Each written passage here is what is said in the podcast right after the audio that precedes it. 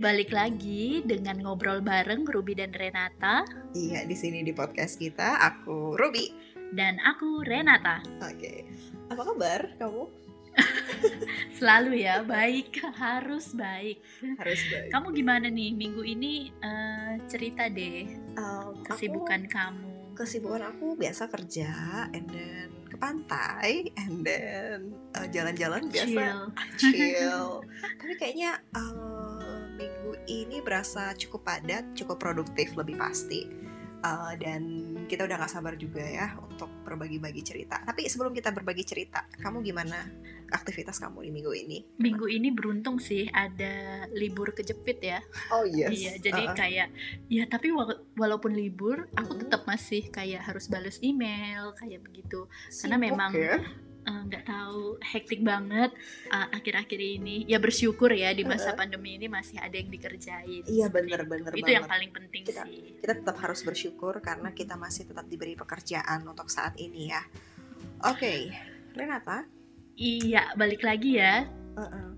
ini pertemuan kita ke Ini episode empat. empat, empat Yes. ya nah Ini episode keempat di sini dan kemarin kita udah sempat ngebahas topik kita perkenalan, terus kita ngebahas tentang sex before marriage, and then kita ada ngomongin tentang traveling, which is yang menemukan kita berdua di dunia traveling ya. iya And then kita juga ada mau hari ini kita ngomongin apa nih apa dong? ayo Ayo, lebih menantang, menantang banget.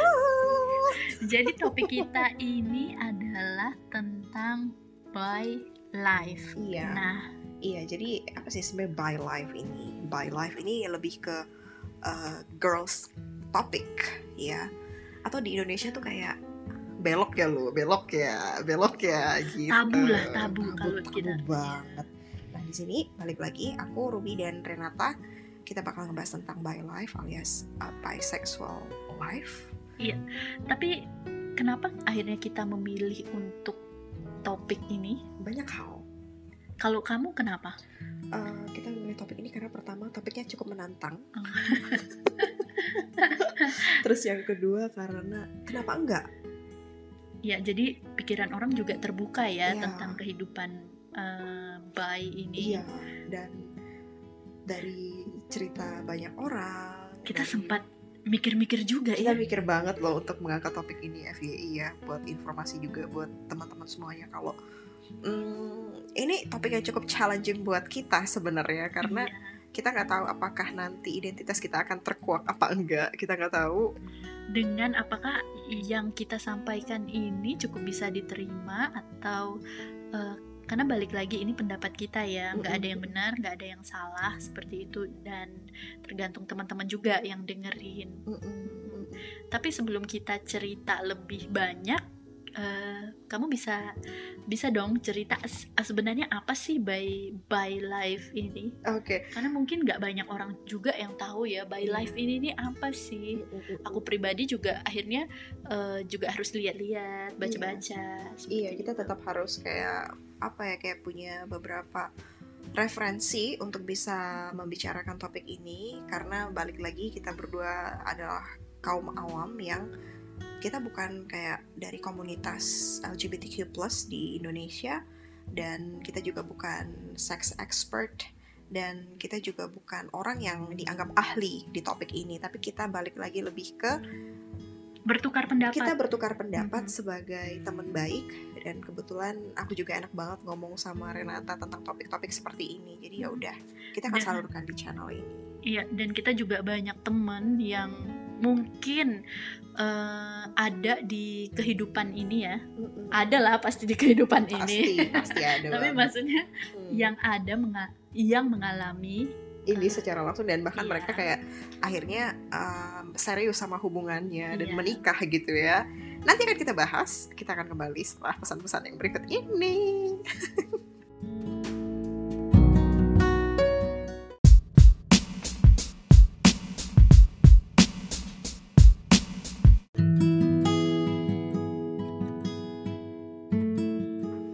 Oke guys, masih di sini juga di eh, podcast kita di ngobrol bareng. Ruby dan Renata. Asik. Ya, semakin ini ya. Semangat banget sih kamu tuh kenapa bisa semangat Iya. banget tuh kenapa? Aku tuh suka aja. Jadi tuh suka aja kalau misalnya karena kan ini dunia baru ya untuk aku. Jadi kan Aduh, ini dunia baru apa topiknya yang baru? Eh, dua-duanya. Oke oke. dua-duanya jadi mulai dari dunia baru untuk aku kayak Mm, gitu karena kayak nggak terbiasa di depan eh, dunia rekaman seperti ini. sih, oke oke. jadi aku juga bisa belajar banyak sih Iya bener banget ya. Kita suka gatel soalnya kalau dengerin podcast orang. Kenapa nggak dengerin podcast kita aja sih? Iya. Gitu ya Oke, Well guys Jadi, balik um, lagi ke topik kita ya. Di episode 4 kali ini kan kita ngebahas tentang bi life Which means uh, bisexual life Yang tadi uh, kita sempat ngobrol juga ya tentang Ini topik apa sih gitu kan Dan kenapa kita mengangkat topik ini. Terus uh, gimana pandangan kita tentang pasangan yang bi?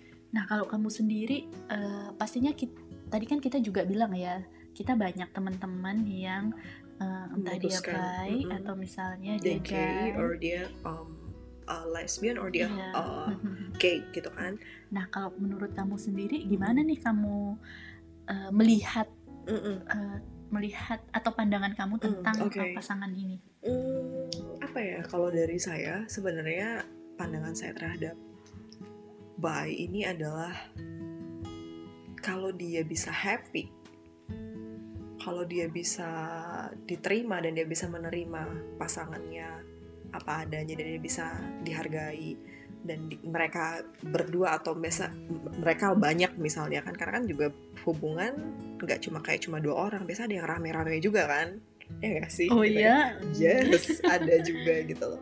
Pokoknya pandangan saya sih lebih ke selama kita dan pasangan kita itu punya koneksi nggak cuma dari emosional, dari intelektualnya, dari psikologinya, dari segi finansial juga, bahkan dari segi seksual. Kalau misalnya dari kelima hal ini ternyata kita bisa cocok dan bisa menerima satu sama lain, kenapa enggak ya? Jadi ya Dan sekarang kalau dilihat-lihat udah makin banyak ya. Atau sebenarnya dari dulu ya udah banyak tapi eh, Menurut aku sih kayak dari dulu udah banyak, udah ada. Kenapa bisa sekarang udah mulai agak terbuka? Karena pertama pengaruh media, ya nggak sih? iya. Terus kedua generasi zaman ini juga adalah generasi yang sudah mulai berani speak up. Dan ketiga adalah udah ada negara, beberapa negara yang terang-terangan menerima pernikahan sesama jenis. Iya, jadi- gitu kan. Jadi Mm-mm. mereka juga makin nyaman ya teman-teman kita juga makin nyaman Untuk untuk mengekspos diri. bahwa Mm-mm. oke aku bi, aku lesbi, aku gay seperti Eh, eh, itu. eh, yes yes dan ya menurut saya nggak ada menurut aku nggak ada yang harus disalahin juga sih gitu kan Dan itu kebebasan Mm-mm, kebebasan memilih. Iya, kebebasan memilih. Karena eh, balik lagi eh, ya pastinya mereka udah ini ya, udah memikirkan hal itu dengan jauh-jauh hari bener banget. Terus eh, ya setiap orang juga punya kebebasan untuk memilih mereka mau seperti apa kayak begitu. Gitu. bener banget. Dan ki- kita juga nih ya guys ya teman-teman ya sempat kepikiran juga untuk eh, nanya nih sama diri kita sendiri kita setuju nggak sih sama pernikahan sesama jenis? Hmm, siapa dulu nih? Aku aja dulu. Aku setuju aja. Aku setuju. Balik lagi eh, orientasi seksual itu luas ya. Ada orang yang karena aku pernah nonton satu film judulnya Danish Girl Danish Girl itu eh, di mana ada seorang pria straight atau kita break dulu nih kita break dulu aja kita lanjut di Tunggu ya. selanjutnya seru ya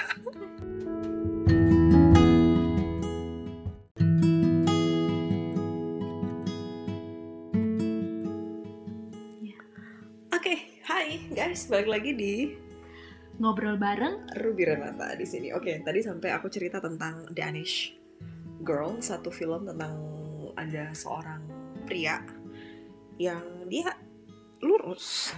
Lurus dia nggak belok apa dia? Rambutnya? Orientasinya. Oke. Ya dia lurus gitu straight dia punya istri gitu kan. And then akhirnya kayak istrinya ini saya lupa karena saya nonton film aku nonton film kayak udah lama banget kan Re kan. Jadi ada satu momen ketika istrinya kayak pengen ada inspirasi isi antara pelukis apa pematung gitu saya lupa. Lalu di karena istrinya ini adalah seorang artis jadi dia minta suaminya mencontohkan apa yang mau dia lukis lukis dia pelukis. Ya udah akhirnya dia melukis objeknya adalah seorang wanita menggunakan gaun dan memakai high heels karena dia nggak punya model akhirnya dia meminta suaminya untuk memakai gaun dan kain. Awalnya suaminya kayak nggak awalnya suami kayak ya apaan sih? gitu kan. Tapi akhirnya ya udahlah untuk menolong istriku gitu kan. Ya udah akhirnya suaminya pakailah gaun itu. Surprisingly suaminya menikmati memakai gaun tersebut jadi tuh kayak pada saat itu itu adalah momen titik balik di mana suaminya akhirnya sadar kalau ternyata suaminya menyukai pria. Dan ternyata suaminya memiliki energi feminin yang lebih banyak yang tanpa oh, dia sadari. Padahal ya mereka menikah sangat bahagia gitu kan. Dia punya pekerjaan istrinya juga punya pekerjaan yang matang gitu kan yang mereka dari segi finansial dan dari segi intelektual mereka udah ada di lebih dari rata-rata di atas rata-rata. Akhirnya istrinya nggak di rumah dia sendiri dia pakai baju istrinya gaun make upan dan ternyata diam-diam dia bertemu dengan laki-laki di luar. Anggaplah kencan ya. Tapi istrinya tahu nggak tuh? Belakangan akhirnya dia ngaku. oh, iya. iya. Nah itu yang saya yang aku suka adalah dia open up sama pasangannya gitu kan ibaratnya tuh kalau dia ketemu sama orang lain kalau di zaman sekarang dia pakai Tinder bo. Nah oh yeah, Tinder yes. ya. Main Tinder ya? Oke okay, jangan terlalu tegang ya. Santai dulu santai dulu. Aduh nah, Tinder nih disebut-sebut nih. Tinder ya. And then abis itu ya udah kayak kayak akhirnya dia menikmati dan sampailah ada dia di keputusan kalau dia mau operasi kelamin. Nah itu kan kayak udah ini banget kan kayak udah keputusan yang berat lah ya dalam hidup ya nah, itu dari situ tuh akhirnya saya mikir kalau misalnya ada orang yang memilih untuk menikah dengan sesama jenis sebenarnya sih saya nggak masalah sih. Aku sih nggak masalah. As long as he or she happy with that. As long as they're happy with their decision so why not? Gitu kan. Ya balik lagi sih semuanya uh, kita sama-sama manusia sih. Jadi punya uh, hak juga untuk uh, untuk bisa memilih akhirnya siapa pasangan kita? Itu. jadi nggak uh, ada yang benar nggak ada yang salah juga kayak gitu. Nah aku juga pribadi uh, walaupun kalau ditanya mm apakah kamu setuju dengan perilaku uh, apa ya aku nggak mau bilang menyimpang sih karena itu kan menyimpang anggapan iya asumsi ya. asumsi kita asumsi ya, ya maksudnya uh, tapi bisa uh, bisa aja di mereka itu bukan hal yang menyimpang ya kayak mm -hmm. gitu nah jadi aku juga nggak mau bilang itu menyimpang mm -hmm. dan dan tapi, dan aku juga mikirnya gini loh re mm -hmm. aku mikirnya gini uh, bukan porsi aku untuk bilang apakah ini menyimpang atau iya, tidak bener, itu bukan porsi aku gitu kan dan menyimpang itu kan kita yang mendefinisikan ya. Iya, ibarat hmm. kamu salah, kamu iya. benar. Ini hmm. bagus. Ih, barang ini bagus, barang ini jelek. Itu kan kayak balik balik balik lagi iya. itu adalah selera. It's it's actually it depends on your taste, iya. right? Nah, kalau aku pribadi walaupun aku uh, lebih setuju dengan uh, hubungan yang ya udah laki-laki dan perempuan mm -mm. itu menurut aku yang mm -mm. pas, tapi aku juga nggak akan ngejudge mm -mm, mereka karena, yang karena ini apa ya itu kan keputusan mereka pengalaman hidup orang berbeda iya. hingga akhirnya dia memutuskan untuk memilih ini dan itu dia pasti punya landasan tersendiri dalam hidup dia dan gitu ketika saya. kita memaksakan oh kamu harus uh, beda jenis nih tapi ternyata mereka nggak bahagia nah itu juga nggak useless bisa. kan jadinya iya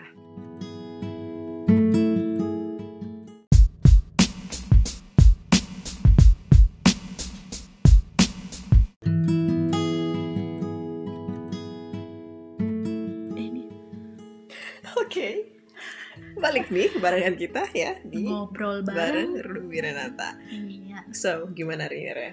Nah jadi iya ya kita nggak punya hak untuk mm. uh, menyatakan bahwa oke okay, ini salah ini benar mm. seperti itu. itu adalah keputusan mereka mereka yang tahu kebahagiaan mereka seperti apa berpasangan dengan siapa itu uh, hak mereka Mm-mm. nah tapi nih seandainya uh, ada orang terdekat kalian. Terdekat kamu lah ya. Entah itu adik atau nggak punya adik eh, apalah pokoknya orang terdekat gitu. Dan kamu tahu dia baik. Nah reaksi kamu gimana? Hmm, pertama kaget udah pasti. Mm-mm. kedua aku akan bilang kamu nyaman sama itu? Kamu ya kamu happy? Go for it. Ya dan yang ketiga saya akan ngerasa kayak saya dianggap gitu loh sebagai orang yang dekat karena dia akhirnya cerita sama saya tentang siapa diri dia dan kenyamanan dia kayak gimana orientasinya dia gimana karena banyak yang ngekip ini secara diam-diam karena takut nggak Ya. diterima ya Yes, bener-bener bener yes. Kalau saya sih mikir, kalaupun misalnya ada orang-orang terdekat saya yang mengungkapkan hal ini, ya saya akan memikirkan, saya mungkin akan merasakan tiga hal itu tadi, kaget, dan saya akan bilang, ya udah kalau kamu nyaman lanjutin, dan saya akan ngerasa senang kalau ternyata dia cerita sama saya. iya That's what I Iya, itu yang paling penting Iya. sih, karena jangan sampai eh, orang-orang ini juga menyimpannya sendirian, kayak gitu. Apalagi kalau mereka nggak kenal yang sesama mereka ya, terus Mm-mm. mereka keep sendirian dan itu It's gonna be so stress, ya, Iya, it's gonna be so stressful. kita nggak tahu apa yang akan dia lakukan, karena dia akan pasti merasa kok aku hina banget ya, nggak sama seperti orang lain kayak gitu. Itu akibat dari justifikasi Iya, sosial. padahal sebenarnya uh, masih ada kok orang yang mau menerima seperti itu. Bener, Dan aku pikir keluarga. sekarang iya, dan aku pikir sekarang juga harusnya orang juga berpikir lebih ini ya, uh, berpikir lebih terbuka. Ya kaget, ya sama. Aku juga Mm-mm, bakal betul. kaget, tapi aku akan coba lihat uh, positifnya. Kenapa akhirnya dia memutuskan untuk memilih kehidupan seperti itu, Bener seperti banget. itu. Mm-mm. Dan yang paling penting sih membiarkan dia punya tempat cerita. Karena itu yang paling penting sih menurut aku. Iya. jadi kita juga bisa jadi support system dia Iya, gitu. betapa nyamannya nggak sih? Kayak ketika dia ngerasa tidak aman, ketika dia ngerasa insecure, dan akhirnya dia memilih untuk bercerita dan kita kayak bisa jadi tempat, at least kita tuh ngedengerin, iya. Dengan kita hanya mendengarkan, itu udah cukup menolong sih Mm, sebenarnya mm, buat mm. siapa pun dan topik apa pun. dan kita juga nggak bisa memaksa dia untuk Mm-mm. tidak memilih jalan itu tidak bisa Bener, kayak bener begitu. banget, bener banget. Mhm. So, gimana nih? Um, yang paling menarik juga dari kita adalah uh, sebenarnya ini topiknya, ini pertanyaan terakhir rada ini sih. Indonesia banget sih ya sebenarnya. Apa tuh? Eh, kira-kira dosa nggak ya mereka It's not my place anyway to say that Iya. karena menurut aku uh, agak kompleks sih kalau ngomong masalah dosa apa enggak ya. Mhm. itu kompleks. Hmm. It's not my place to say. Uh, aku cuma mau kayak strict dengan pendapat aku kayak saya cuma manusia biasa gitu Yes, kan ya, iya. gitu. Ya aku know, like ada dua hal sih Mm. eh, yang mengubah pikiran aku juga ya kayak gitu. Pertama waktu aku punya kesempatan waktu di Thailand aku tinggal di biara gitu kan. mm, nice. Di Thailand kan cukup terbuka ya dan salah satunya itu dia eh, mengakui oh aku ini lesbi gitu. Terus eh, kami yang yang Asia-Asia lainnya nanya kan bagaimana itu pertanyaan anakku sekolah sih waktu itu berapa, ya tahun berapa? 2011 apa Wow. Iya ya, kayak yang itu pertanyaan Asia banget yang menurut aku kayak yang oh iya wajar sih dan itu anak-anak kami waktu itu istilahnya masih remaja kayak gitu. Dosa nggak sih gimana eh, agama ini memandang memandang salah satu memandang kehidupan lesbi, gay atau bi atau apa pun homo. Terus itu pemuka agama satu hal yang aku senengin adalah Apa tuh? Tahan dulu. Iya. Kita tunggu break yang satu ini.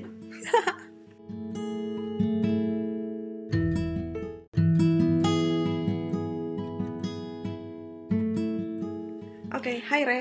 Masih ingat ya? Tadi kita uh, ngebahas tentang di biara. iya di iya di biara Lanjut, di ah. iya biara ya bilangnya ya. Iya, itu biara. Eh, eh, di biara biksu nih gitu. Iya, biksu. Jadi aku Oh, tinggal berarti satu. kayak perempuan semua ya? Mm-mm. Dan aku ngomong sama salah satu pemuka uh, agamanya dan aku sangat terkejut sih ketika dia bilang uh, intinya adalah bahwa uh, kita ini manusia dan ya sama seperti yang kamu bilang kayak yang kita nggak punya hak untuk ngejudge seseorang seperti apa kayak begitu. Hanya Iya. itu jawabannya. Dan aku mikir iya ya maksud aku siapa aku? Kayak begitu yang bisa ngejudge oh orang ini dosa orang ini dosa. Atau jangan-jangan aku yang diem aja dosanya itu lebih banyak. dosa. Uh, uh, kayak uh, uh. begitu. Itu sih yang Bener, aku mikir. bener. jadi yang paling penting itu sih memanusiakan manusia sih menurut Iya, aku. menganggap jadi orang menghargai orang iya. ya. Jadi eh, ya udahlah nggak usah terlalu dipusingin orang mau ngapain kayak begitu kan. Karena ya Eh, masih banyak yang Bre. masih banyak yang apa maksudnya masih banyak juga hal kesalahan hal yang belum baik lah kita lakukan Iya. mungkin hanya dengan berpikir ya itu juga Iya. dosa loh benar gitu karena kita bermain dengan pikiran pikiran Mm-mm. kita dan kita mulai mulai men- apa melahirkan beberapa Mm. spekulasi yang sebenarnya belum tentu benar Iya. adanya gitu ya ah itu dosa aku juga jadi ingat beberapa waktu lalu kayak tahun lalu deh aku pernah ada lihat satu video di YouTube. Mungkin kamu ngikutin The, La- The Lawalatas oh iya iya iya yang iya. ini siapa? Yang oh iya iya eh, iya pengakuan dan bagaimana kompaknya keluarga Lawalata ketika menerima Oscar kan? Dan itu itu menurut aku adalah salah satu video YouTube yang menurut aku menginspirasi. Dan cukup berani sih. Cukup berani untuk di Indonesia. Bahkan dari negara lain juga banyak kok masih belum belum terbuka gitu kan. Karena mikirnya gini nonton video itu waktu itu mereka kayak baru cuma punya dua video. Waktu itu ya tahun lalu ya cuma punya dua video apa awal tahun ini saya lupa aku lupa. Aku send video itu ke mamaku this is kind of fun karena menurut aku eh, kenapa enggak? And then kamu tahu apa mamaku bilang? Karena aku bilang gini mak ini nonton deh videonya bagus banget. And then eh, mamaku udah nonton terus aku tanya mamaku gimana mama udah nonton belum? Menurut mama gimana? And then mamaku bilang ya mama sebagai orang tua kita memang pengen yang terbaik untuk anak-anak kita tapi belum tentu apa yang kita proyeksikan baik itu belum tentu anak kita akan bahagia.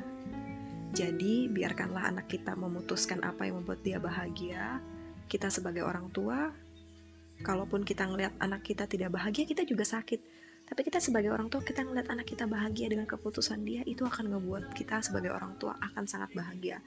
Itulah yang mama aku bilang dan aku ngerasa kayak wow oke Iya, keren loh maksudnya nice. nggak semua uh, Orang orang, tua. di generasi yang sekarang kan orang tua kita Boomer ya. generasinya sama ya generasi bisa boomer ya menerima dan aku juga salut banget sih dengan Iya. uh, orang tua orang tua yang pikirannya juga terbuka Iya, kayak iya, begitu iya. karena ya gimana lagi ya uh, ya itu tetap anak anak kita misalnya ya itu anak kita ya apa pun dia ya tetap harus diterima ya kalau kita kan kayak kita belum punya anak ya tapi aku bayangin aja betapa besarnya hati-hati orang tua kayak begitu ih gila. Keren sih menurut Itu aku perasaan kayak gitu hanya kayak bisa dirasain sama orang tua gak sih yang punya anak? Iya iya iya. Iya oke.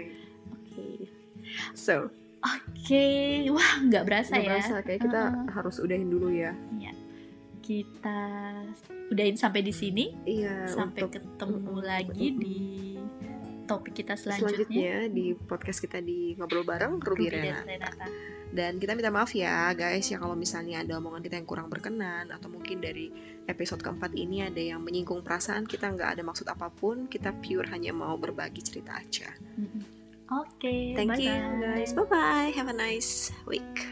Sampai ketemu minggu depan. Ciao. thank you